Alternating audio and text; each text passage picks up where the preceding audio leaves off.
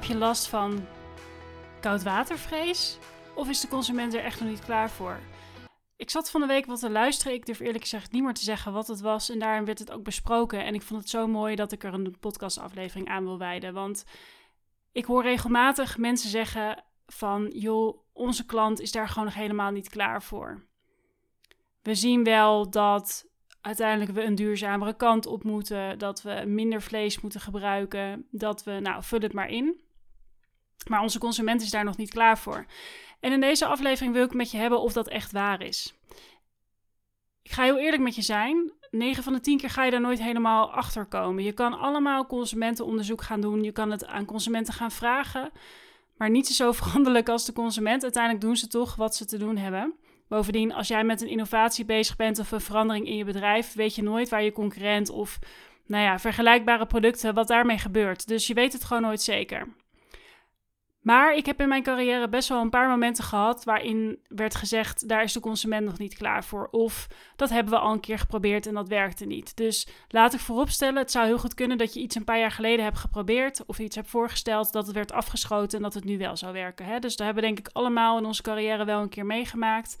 Dat iemand tegen je zei: joh, daar zijn we nog niet klaar voor. En uiteindelijk ging je het proberen. En het was wel de tijd. Dus dat is gewoon de vraag. Moet je wel wachten op de consument? Dus als ik het met mensen heb over wij willen stappen maken, we willen duurzamer opereren, dan heb ik het altijd over een drieluik die ik zelf altijd heel erg interessant vind. Die heb ik niet zelf bedacht. Ik ben coach geweest bij klimaatgesprekken. En daar in een van de eerste workshops ga je ook bespreken van oké, wie moet de grootste stappen zetten? En wat zij eigenlijk zeggen is dat je drie ja, verantwoordelijke hebt. Dat is de overheid, dat zijn bedrijven en dat zijn consumenten. En ik vind dat wij ons echt te vaak verschuilen achter de consument is er nog niet klaar voor. De consument bepaalt, de consument dit, de consument dat. Gelukkig zie ik daar wel echt verschuiving in. Zie je ook echt dat bedrijven hun verantwoordelijkheid willen nemen. Zie je ook dat de overheid stappen willen maken. Ik zeg altijd, als je bij de overheid werkt, ben je uiteindelijk ook een uh, consument. Hè? Dus, dus uiteindelijk zijn we allemaal consumenten. Nou, een aantal voorbeelden die ik uh, met je wil delen. Ik weet nog, toen ik bij Hessing werkte, gingen wij op een gegeven moment over, wilden we overgaan op kippendij. Uh, misschien niet het beste voorbeeld als je je inzet om plantaardig de norm te maken, maar toch vind ik het een goed voorbeeld omdat het gaat over allemaal aannames. Dus kippendij, over het algemeen blijkt het onderzoek, vinden mensen dat lekkerder dan kipfilet. Um, Alleen, het ziet er optisch vaak minder lekker uit. Dus wij zijn gewend om kipfilet te eten, dat als je dat bakt, dat dat gewoon wit is. En bij kippendij lijkt dat soms een beetje, ja, niet gaar, laat ik het zo zeggen. Maar op dat moment hadden we best wat uitdagingen op prijs. En um, nou ja, was er toen van alles aan de hand, omdat heel veel van het vlees uit Brazilië kwam. Uh, en ondanks dat ons vlees gewoon veilig was, was er heel veel aan de hand met de perceptie van dat vlees uit Brazilië. Nou, dat is ook een van de redenen dat ik uiteindelijk uh, voor mezelf ben begonnen. Omdat ik gewoon merkte, als dit je discussies zijn, ja, weet je, uiteindelijk wil ik gewoon veel grotere stappen maken. Maar het geven omwille van het voorbeeld dat we een casus aan het maken waren waar eigenlijk wij en onze klanten beter van werden. En uiteindelijk de eindconsument ook, omdat het wat goedkoper zou worden. Nou, hebben we ook consumentenonderzoek laten doen. Hè? Dus dan kan je uh, naar een bedrijf toe, die gaat dan jouw producten testen tegenover de uh, concurrenten. Dan gaan ze aan consumenten vragen van, joh, wat vind je ervan? Geef er een cijfer aan.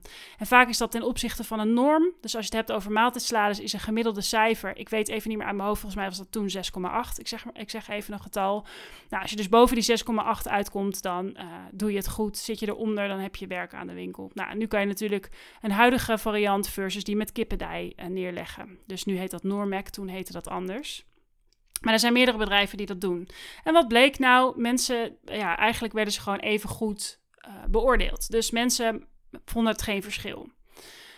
Maar toch hadden we allemaal intern, ja, gaan ze dit wel snappen? Uh, nou, spannend, spannend. En uiteindelijk, we zijn het gewoon gaan doen. Kijk, en natuurlijk is dat een bedrijf wat heel veel producten heeft en niet zo afhankelijk is van één product. Als jij dit luistert en je hebt een bedrijf waar je eigenlijk bij jouw klanten misschien maar vijf smaken verkoopt, ja, dan is het natuurlijk wat meer risico nemen. Maar als je gewoon een wat groter bedrijf bent, dan kan je ook dit soort risico's gaan nemen. Kan je het met je klant gaan bespreken van, joh, volgens mij moeten we dit gewoon gaan proberen. Werkt het niet, dan kunnen we ook gewoon terugdraaien. Nou, en wat gebeurde er nou? Eigenlijk in de eerste weken zagen we inderdaad een dip.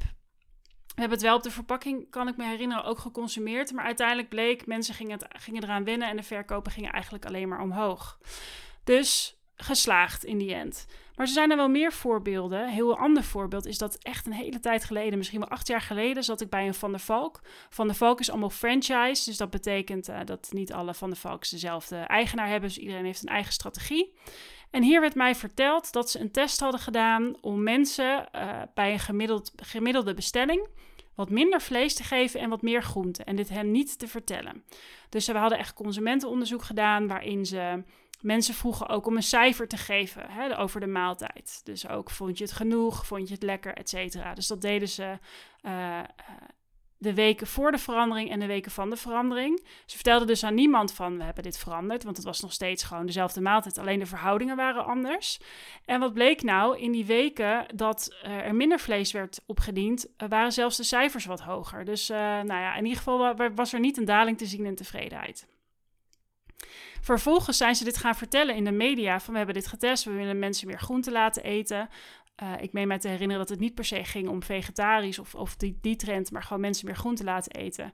En toen kregen ze zoveel boze berichten van consumenten die zich belazerd voelden, want ze hadden dezelfde prijs betaald en ze hadden minder vlees gekregen, et cetera. Dus um, ja, wat je dan dus ziet gebeuren, en dat is altijd het spanningsveld, is dat ja, als je het hebt over vlees, er ook allerlei dingen aanhangen. Hè? Cultuur, gewoontes, maar ook ja, mensen willen niet dat je het ze afpakt, gemiddeld dan zo bezien. Dus dat is ook weer een hele interessante. Dus vertel je niks, dan wordt het heel positief beoordeeld. Dus zo weet ik ook dat er onderzoeken zijn gedaan op scholen. Waar uh, je dus voor de lunch bijvoorbeeld een wrap kon bestellen met, uh, met kip. En wat ze toen hebben gedaan is niet meteen een vegetarische variant geïntroduceerd. Maar toen hebben ze ook het aandeel kip verlaagd, het aandeel groente ver, uh, verhoogd. En op diezelfde manier getest en niet gezegd. En hele goede resultaten. Dus dat is gewoon super interessant hoe dat werkt. Nou, een ander voorbeeld, wat ik altijd, altijd ook een goed voorbeeld vind, is bij uh, supermarktketen Plus. Die zijn op een gegeven moment overgegaan bij de bananen op Fairtrade. Dus um, waar veel ja, bedrijven meerdere soorten bananen verkopen. Hè? Dus je kan een wat duurzamere bananen en een mindere duurzame verkopen. Zeiden ze nee, alles gaat minimaal over op Fairtrade. Nou, dat zijn ze ook wel gaan communiceren, uit gaan leggen. En ze zeiden, we gaan niet iets doen met de prijs. Dus wij gaan, uh, ja, we gaan hier ook zelf een uh, duit in het zakje doen. Je ziet dat nu ook gebeuren hè, met biozuivels, overigens ook Plus. Die zegt, joh, wij willen bij ons huismerk daar onwijze stappen in maken. Maar als je dat dus mensen in meeneemt, ja, uh, naar mijn weten, ik weet niet wat nu de status is, maar toen dat gebeurde in ieder geval, hebben ze echt geen aandeel bananen verloren. Omdat ze het gewoon heel goed zijn gaan uitleggen. Dus ja, je merkt ook in mijn voorbeelden, de ene keer ga je het wel heel erg uitleggen, de andere keer niet. Maar je gaat het in ieder geval op een gegeven moment doen. Want je kan allerlei theorieën en je kan het allemaal gaan overanalyseren. Maar op een gegeven moment moet je ook een stelling nemen. En is het ook belangrijk ja, om, om het ook door te voeren en, en daar ook voor te gaan staan.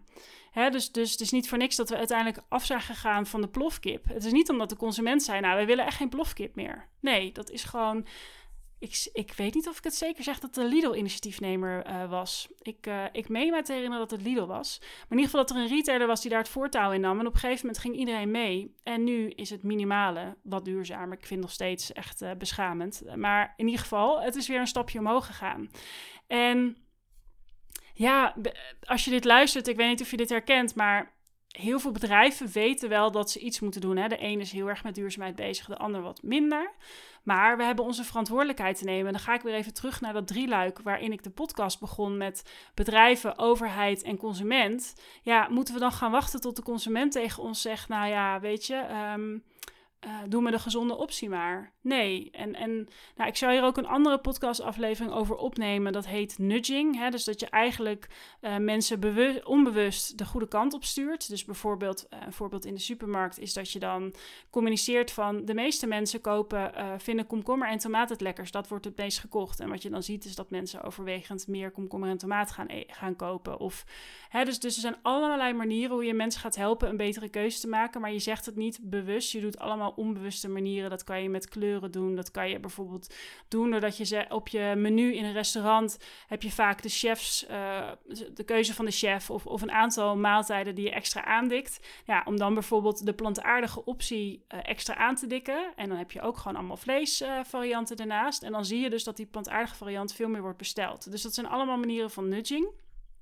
En hele mooie voorbeelden van ja, je kan wel wachten tot de consument erom vraagt, maar je weet pas ook als je het gaat doen. En tuurlijk kan je learnings uit het verleden meenemen. Hè? Dat is niet voor niets dat ik hier bedrijven bij help, omdat ik al heel veel fouten en ook goede dingen heb gedaan in het verleden en die learnings graag met je deel. En nog steeds mag je het op een gegeven moment gaan doen en goed gaan evalueren. En dat is wel iets wat we niet altijd goed doen. Dus dan gaan we doen, maar niet goed evalueren. En dat is dus heel belangrijk om dat wel te doen. Maar ik vind dus dat we echt um, ja, onze kop in het zand steken, uh, koud watervrees, ja, het is hoe je het noemt.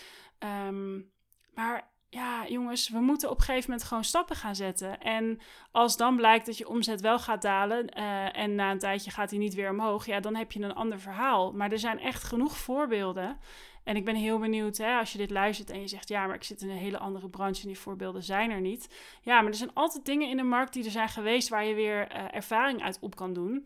En het is juist ook zo'n mooi haakje vaak om met je klant te gaan bespreken. Dus als jij uh, manager bent bij een leverancier en je, je hebt een goede relatie met je klant, je wil, je wil die eigenlijk nog verbeteren, dat er een aantal vlakken zijn waar jullie samen stappen willen maken. En dat je met elkaar zegt, oké, we gaan deze handschoen samen oppakken, want het draagt bij aan onze strategie van ons beiden. En we gaan het gewoon testen met elkaar. Dat is ook echt, hè, dat is precies waar ik voor sta. Dus echt strategische relaties opbouwen met je klanten. Dus echt die relatie naar een hoger niveau is juist dat je dit soort dingen met elkaar op gaat pakken. En dat je daar ja, samen aan gaat werken.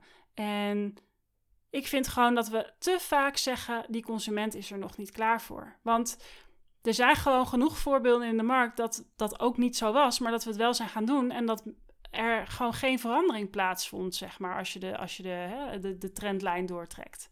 Dus ja, ik wil wel even een lans breken voordat ik vind dat we onszelf een beetje er makkelijk van afdoen. En dat vind ik jammer. Um, want ik, ja, ik, ik, ik vind er is ook zoiets als first mover advantage. Je kan altijd maar denken, nou, hè, we wachten wel tot de tijd rijp is. Maar ja, weet je, dat, daar zijn de meeste bedrijven niet heel groot mee geworden. Dus dat betekent gewoon dat je daarin weer een, uh, een stap moet gaan zetten. Dat was even nou, een vrij uh, beknopte aflevering over moet je wel wachten op de consument. En ik hoop je hiermee in ieder geval geïnspireerd te hebben om wat vaker te gaan denken: oké, welke beslissing? Dus dat is eigenlijk een vraag waarmee ik deze aflevering wil eindigen. Welke beslissing kan jij op dit vlak nemen nu? Dus wat zou jij eens kunnen gaan doen in jouw bedrijf om een stap te gaan zetten waarin je niet wacht op de consument, maar dat je gewoon zelf een stap gaat zetten om die consument te gaan helpen? Ik ben heel benieuwd. Dankjewel voor het luisteren en tot de volgende aflevering.